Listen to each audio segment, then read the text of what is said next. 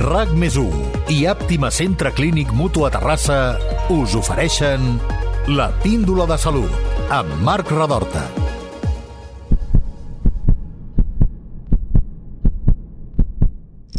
Em dic Susana, tinc 47 anys i estic embarassada de 18 setmanes. Doctor, això és un cas excepcional? No, no, en absolut no és un cas excepcional. De fet, eh, cada vegada ens trobem més amb pacients de més de 40 anys que, que tenen desig estacional. I és un repte per als especialistes en reproducció assistida, assistir amb aquests pacients. Doncs ara ho comentem. Mama said there'll be days like this, there'll be days like this, Mama said. Mama said,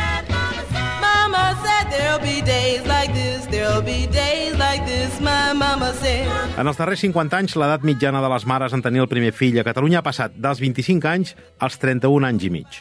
Influeixen motius econòmics i socials, però també científics.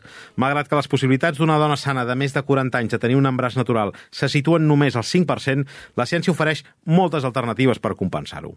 Avui hi ha moltes dones que decideixen ser mares després dels 40, i aquesta píndola és per elles i per les seves parelles. Quin és el límit d'edat per quedar embarassades? Quines tècniques de fertilitat són les més indicades en aquestes edats?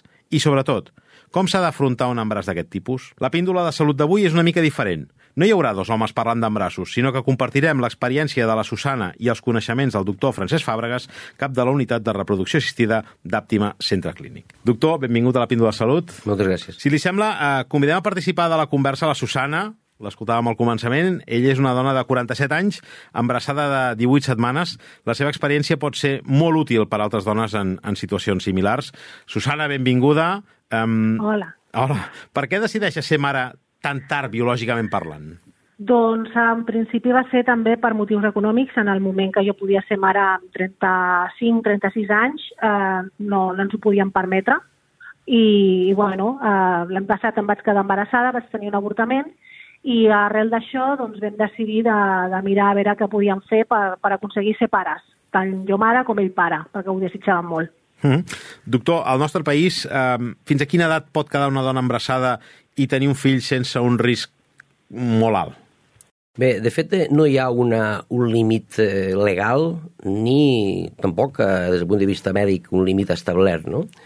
Eh, de fet, eh, hi ha un consens dintre del món de la, de la reproducció assistida que estaria més o menys fixat sobre els 50 anys, perquè és a partir d'aquest moment que sembla que tindríem riscos importants des del punt de vista de, de la gestació i el part a l'hora d'assistir a aquests pacients. Per tant, no hi ha una normativa, no hi ha una norma que limiti això clarament, i per tant hi ha un consens, això sí, per tenir un marge fins al qual pugui actuar. I quina importància té l'edat paterna en la fertilitat? Bé, evidentment no té la mateixa implicació que té l'edat de la dona. De fet, l'ovari de la dona sí que naix limitat i, per tant, l'edat condiciona moltíssim la fertilitat de la dona. Amb l'home no és així, és a dir, la, la funció espermàtica es manté durant, durant molts anys. Sí que és cert que amb edats molt avançades la, la qualitat seminal pot deteriorar-se, però en principi no tindria l'impacte que tindria l'edat amb, la, amb la dona. -huh. Susana, explica'ns una mica el teu procés fins a, fins a l'embràs actual. Uh, ja ens vas dir que vas quedar embarassada un, un, un o dos anys abans. Explica'ns una mica com arribes fins aquí. Bueno, va ser, bueno, en ple confinament em vaig quedar embarassada, em vaig donar compte de casualitat, vale? uh, veia que no em baixava el, el període, i llavors li vaig comentar a ma germana i em va dir per què no fas la, la prova de l'embaràs? Et fas un test. I jo, què dius? Amb l'edat que tinc no pot ser que m'hagi quedat embarassada. Total, me'l faig, dono positiu, alegria total, però aquella mateixa setmana vaig començar a tenir pèrdues. Uh, vaig a perdre aquest uh, embaràs en sis, sis setmanes, més o menys. Llavors ens, ens vam plantejar el, el fet de, de dir, bueno, si m'he quedat embarassada un cop, em puc tornar a quedar embarassada com que eh, per la via natural no, no em podia quedar, eh, ho vam, vam intentar durant, no sé, va ser el juny, doncs fins al desembre. Llavors, al desembre vam decidir que al gener del 2021 doncs faríem el, el què. I llavors, doncs mira, ens vam posar en contacte amb el doctor Fàbregas i des de llavors fins ara. Eh, com, com va ser aquest procés? Quin, quina tècnica eh, es va aplicar en el teu cas? Uh, nosaltres vam decidir, per la meva edat també, i tal com estaven els meus òvuls, que també van, van fer-me un, una analítica, bueno, vam fer moltes proves per saber com estava, uh, vam optar per l'ovodonació. Vale? Uh, per nosaltres no, no, no, no és un, el fet de dir, bueno, és l'òvul d'una altra dona, sí, però la, la criatura serà meva. O sigui, la estic gestant jo i serà meva. Llavors, per mi no era cap trauma a l'haver de, de, de fer-me un trasplant de- de- d'un òvul d'una altra persona. I per la meva parella tampoc. Per tant, eh, doctor, estem parlant d'un òvul d'una altra persona, d'una donant, que va ser inseminat per, eh, per Espermes, espermatozous del, de la parella. de la parella eh, a fora, diríem, no? Exactament, mitjançant un procés de fecundació in vitro eh, eh, s'obté embrions a partir Sí. sí. d'aquesta fecundació I després s'implanten. I, i després s'implanten dintre de l'úter de la pacient. Mm -hmm, perfecte. Eh, ens comentava que abans havia tingut un avortament. Entenc que un avortament natural als 46 anys tampoc és tan estrany, no? Bueno, en realitat, eh, de fet, eh, la possibilitat d'aconseguir una, un embaràs espontani i, una, i un nen viu eh, de manera espontània més enllà dels 45 anys és excepcional. Eh? De fet, el que li va passar a la Susana jo diria que és eh, lo esperable, entre cometes. El que és estrany és que, eh, que quedés embarassada, perquè el, de fet, la majoria de vegades no es aconsegueix l'embaràs. Però sí és cert que la major part d'embarassos que es aconsegueixen en aquesta edat eh, solen acabar amb avortaments. Uh -huh. eh, després de l'avortament, ella va decidir fer aquest tractament d'ovodonació, que ja ens ha explicat una mica en què consisteix, um, però per a aquelles persones que estiguin en situacions similars, aquest procés quin, quin, quin temps, quant de temps dura, quines proves es fan, tothom eh, pot, eh, és més o menys acceptable per més o menys tothom, o quin perfil de, de pacient cal per, perquè eh, un tractament d'aquest tipus funcioni? Bé, el, la- l'ovodonació és una tècnica de reproducció assistida que fa molts anys que l'estem realitzant.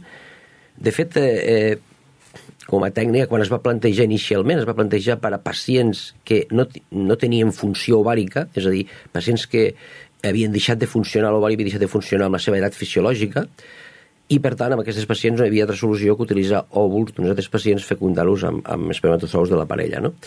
Òbviament, com sempre passa i com ha passat amb altres tècniques de reproducció assistida, la- l'aplicació la, d'aquesta tècnica s'ha anat ampliant i ara mateix ho fem bàsicament en pacients de, de l'edat de la Susana, o inclús més joves, evidentment, on no pots disposar d'òvuls de qualitat per, per poder fertilitzar, per poder fecundar amb espermatozous de la parella. No? Eh, és un procés que és tècnicament senzill, i val a dir que des del punt de vista d'eficiència i eficàcia, realment, la taxa d'embaràs aconseguida amb cicles d'ovodonació probablement sigui la més alta de totes les tècniques de reproducció assistida. I, I de quina taxa estaríem parlant? Bueno, en principi, amb, una, amb un cicle d'ovodonació eh, hi ha una taxa acumulada que pràcticament que d'un 60 o 70%, déu i realment eh, sí, perquè estem treballant amb, el, amb, amb òvuls de molt bona qualitat. Eh? L'edat i la qualitat oocitària estan íntimament lligats i per tant hem de, hem de tenir en compte que les donants són, gent, són pacients jovens amb molt bona resposta ovàrica i amb una qualitat o- oocitària de, molt alta. I per tant, el, el, el, el, potser l'únic risc que hi ha pràcticament és aquest, el, el de la implantació, no? I el de com... Sí, però aquest és un tema molt interessant i és perquè així com eh, l'ovari es va envellint amb l'edat i per tant sí que condiciona molt la seva funció, l'úter no.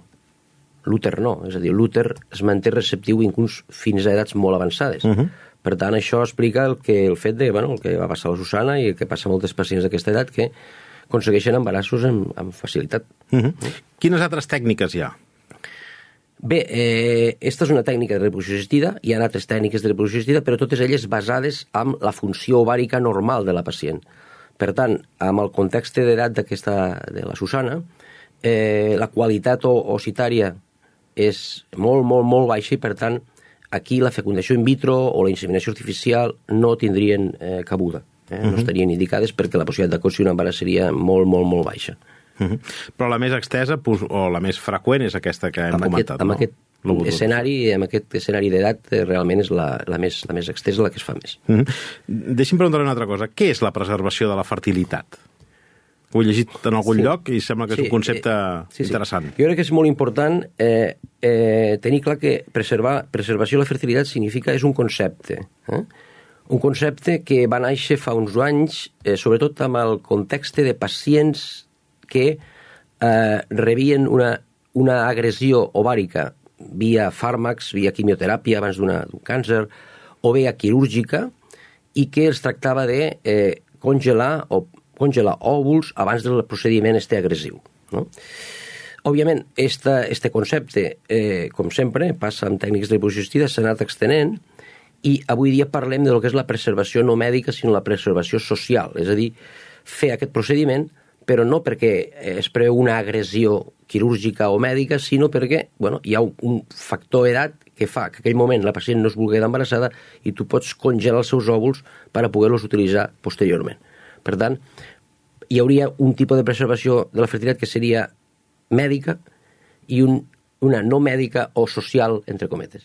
Posem en el cas de la Susana, és a dir, la, la, la Susana hauria pogut congelar els seus òvuls en el seu moment, no? No sé quina edat hauria sigut la més òptima, però efectivament, efectivament. fa uns anys sí, i ara sí. recuperar-los. Tu sabies, Susana, que això, això era possible, diríem?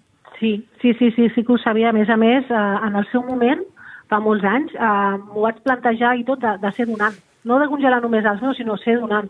Fins i tot ma germana, en el seu moment també, quan vaig tenir l'avortament, m'ho va comunicar, m'ho va dir ella que també, sense parlar-ho entre nosaltres, uh, m'ho va dir que ella també s'ho havia plantejat en el seu moment de ser, de ser donant d'òvuls. Sí, sí, al final, per què no ho vaig fer? Sincerament, no me'n recordo. Era molt jove i no me'n recordo, però el pensament el vaig tenir, això sí que és cert. Home, hauria estat... Hauria estat aviam, ara el problema l'ha resol igualment, no? Però, però sí. també hauria estat útil, no?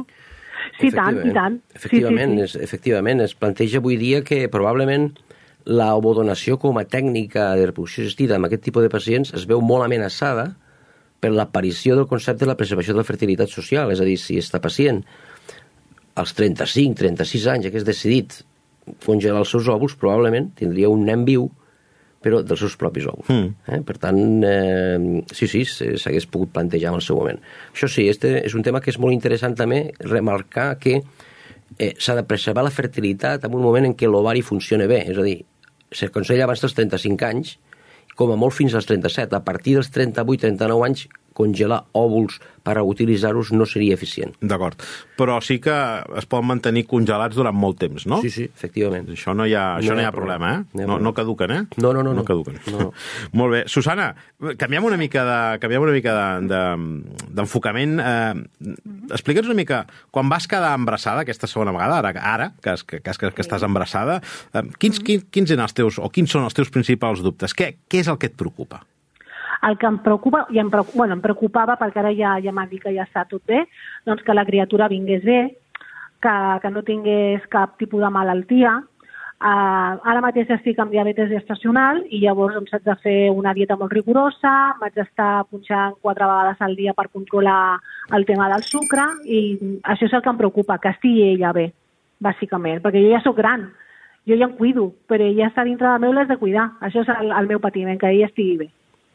Uh, doctor, des del punt de vista mèdic, uh, entenc que deu d'haver-hi diferències en el seguiment o el tractament d'una pacient com la Susana, amb 47 anys, respecte a una dona que potser podria tenir fins i tot la meitat d'anys, no? Um, quina, quines, són, quina, quines són aquestes diferències? Bé, de, de, de, fet, eh, de fet, els embarassos de pacients d'edat avançada sí és cert que està recollit a la literatura i a la biografia que són embarassos de, de risc i això vol dir que tenen eh, bueno, poden tenir complicacions eh, relacionades sobretot, pues, ja ho ha comentat ella, amb el diabetes gestacional o inclús trastorns hipertensius de l'embaràs. Ara bé, eh, jo diria que... En Perdoni, però són símptomes que també poden aparèixer sense tenir aquesta edat, no? Evidentment, poden aparèixer, però la incidència és més baixa. És a dir, que embarassos, amb embarassos mm, per sobre dels 45 anys solen haver més complicacions obstètriques. Això simplement el que requereix és, és estar eh, molt, molt al cas de la, del control d'aquest embaràs, no s'ha de fer excessivament, eh, excessives exploracions eh, afegides a lo que faríem habitualment, però sí s'ha d'estar al tanto de que poden presentar, sobretot a la fase final de l'embaràs, doncs, més complicacions d'aquest tipus. Eh? Però, bueno, en principi, els resultats obtinguts són, són, són, són perfectes. Que t'has de fer més anàlisis i t'has de mirar una mica de més, però, però poca cosa més, no? O sigui, el, el seguiment és el mateix, amb una mica més d'intensitat, però no gran cosa més. Molt bé. Quins són els principals riscos en, en l'embràs i en el part a partir dels 40 anys? Eh, bàsicament, amb la... Eh, estem parlant de la mare, eh? Fixa't sí. que no parlem per res de la criatura, perquè sí. la criatura, al principi, eh, són, són embarassos que evolucionen molt bé, Eh, la mare, bàsicament, jo diria que està, bàsicament, la, la situació que es concentra bàsicament amb els trastorns hipertensius, els trastorns de la tensió arterial a la fase final de l'embaràs. Hi ha més incidència de cesàres, Mm? Uh -huh. Probablement també perquè són embarassos que, entre cometes, no m'agrada parlar d'això, però es parla molt d'embarassos sobrevalorats, en el sentit de que una vegada tens una edat gestacional ja avançada, amb un crio que està amb un creixement correcte i tal, pues, se sol arribar a una finalització programada de la, de la gestació amb una cesària, però, evidentment, no, més enllà d'això no hi ha més, més problemes. I la criatura? hi ha algun aspecte que variï respecte a, al fet de créixer en, un, en un, el cos d'una dona més jove d'una dona més gran? No sé, si hi ha alguna estadística que els nens surten més grans, més petits o, o, o d'una manera o d'una altra? No. No, no, no. no. És a dir, la, en principi el, solament s'hauria afectat la criatura en el sentit de que si hi ha una patologia mèdica de la mare Mm -hmm. Important durant la gestació, això podria provocar, per exemple, un retras de creixement, però, però no necessàriament per la tècnica d'entrar. Correcte, mm? uh -huh. correcte. Molt bé. Susana, de, de la teva experiència fins ara, quin consell donaries a altres, a altres dones que puguin estar en una situació similar com la teva, eh? que tenen, no sé, 40, a partir de 40 anys, que no han tingut criatures, que sempre els hi ha rondat la idea pel cap, que, que les volen tenir, eh, què, els hi, què els hi aconsellaries? que no s'ho pensin gaire, que si volen ser mares, cap endavant. És la millor experiència que estic tenint en tota la meva vida. La, la, no sé, és que és molt maco, es pateix una mica al principi perquè no saps si podràs, no podràs. Uh, jo em vaig quedar embarassada a la tercera. Mm, El doctor Fàbregas va donar a la Diana. Va, em van fer una prova, uh, va dir, tal dia, tal hora has de fer això. I ja està. Sí, i aquí estoy, embarazada no hi ha cap problema. O sigui, mm. jo que, que, que no s'ho pensin, que si volen fer-ho, que ho facin. Perquè això és, el millor és un cop a la vida, només. En el meu cas serà un cop a la vida. Jo no vull tenir més criatures. Jo amb una ja en tinc prou. Ja tinc 47 anys i amb una en tinc prou. Però que no s'ho pensin. Uh, alguna cosa a dir? No, no, és, és, per nosaltres és una satisfacció poder, poder escoltar aquests, aquests comentaris, no? perquè realment eh, és il·lusionant veure una pacient així, feliç, després de d'una tècnica que, evidentment, eh, és costosa, és pesada, però quan veus un resultat així pues, és molt satisfactori. Eh, quan diu que és, sobretot costós, estic pensant en el tema de temps. Què, què, què es tarda en un procés d'aquest tipus? Des de que entra per la consulta d'àptima fins a que eh, se li diagno diagnostica, entre, o se li dona la bona notícia de que finalment ha quedat embarassada? Què pot ser un, un temps raonable? No, no, de fet és, és, és relativament ràpid perquè es tracta d'assignar una, uh -huh. una donant, després d'esta assignació el que ve és una, un matching que diem nosaltres genètic entre el que, és el, que sigui el pare de la criatura i la donant, per descartar eh, incompatibilitats des del punt de vista genètic, i després hi ha la, el cicle sincronitzat de donant i receptora uh -huh. per a poder implantar un embrió. I ha comentat la Susana que amb el primer transfer no es va quedar embarassada, Sí. Teníem més embrions congelats, evidentment, i llavors el que van fer és fer una prova, que el que van fer és, intentar sincronitzar millor la, la transferència de l'embrió amb l'estat de l'endometri per a que pogués implantar, i de fet van plantar. Um, S'havia comentat en el seu moment de que a vegades s'implantaven dos embrions o, i que hi havia un índex molt més gran de, de, de bessons perquè s'eliminava el risc de si se'n perdia un, doncs sempre tenies l'altre. Com, com... Això ha canviat bastant, no? També? Sí, sí, això ha canviat totalment i sobretot amb el context este que estem parlant ara. És a dir, el que no podem és eh, obtenir gestacions eh, múltiples en pacients d'esta edat. Aquí sí que el risc eh, durant l'embaràs seria mm, molt, molt, molt elevat i, per tant, la possibilitat de tenir un embaràs gemelar a una pacient d'edat avançada, això s'ha descartat totalment. Per tant, el que fem és seleccionar els embrions per a poder transferir un sol embrió amb cada transferència i, per tant, això minimitza molt els riscos. Evidentment, una gestació gemelar amb una pacient de 46, 47 anys, com, és, com té la Susana, significaria un increment de risc important durant la gestació i això no, no s'ha de fer. D'acord. Eh, Susana, Digues, com es dirà la teva filla? Marta. Marta, ja ho saps? Sí. Ja ho heu tant, decidit? ho teníem, sí? Ja ho teniu claríssim? molt decidit. Sí, si Molt era bé. nen era Gorka i si era nena era Marta. I ara doncs serà una Marta. Perfecte, perfecte. Doncs escolta'm, sí. uh, moltes gràcies, que tinguis un embaràs, un part i una maternitat espectacular, que segueixis, segueixis amb aquesta energia, perquè, eh, perquè és, és encomiable sí. i, a més a més, jo crec que és molt inspiradora, també. Eh, mm. I, doctor, uh, Francesc Fàbregas, cap de la unitat de reproducció assistida de- d'Àptima Centre Clínic, moltes gràcies per acompanyar-nos i per ajudar-nos a entendre una mica millor les possibilitats i els riscos que ofereixen els embrassos després dels, dels 40 anys. Bé, moltes gràcies a vosaltres. Moltes felicitats, Susana. Moltes gràcies, doctor. Sense vostè això no seria possible. No, no, gràcies, i, i, sense tu tampoc, eh? sense tu tampoc, segur. Sí, no? Moltes gràcies. Gràcies a tu.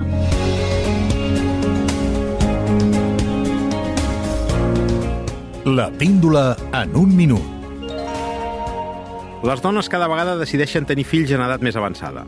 Els motius són econòmics i socials, però la bona notícia és que cada cop hi ha més i millors tècniques per garantir els embarassos. El tractament de fertilitat més habitual per a dones que han superat els 40 anys és el de l'ovodonació, que és la implantació d'un embrió procedent d'un òvul d'un adonant fecundat per un espermatozou de la parella. La taxa d'èxit és propera al 70%. La preservació de la fertilitat consisteix en congelar òvuls propis per poder endarrerir la maternitat per més endavant, quan les circumstàncies siguin més favorables. Les dones que fan això poden després quedar embarassades amb els seus propis òvuls. La recomanació general és assumir que a partir dels 40 anys les possibilitats d'un embràs natural són molt baixes i el més aconsellable és posar-se en mans d'un especialista per buscar la tècnica més adequada per aconseguir l'embràs.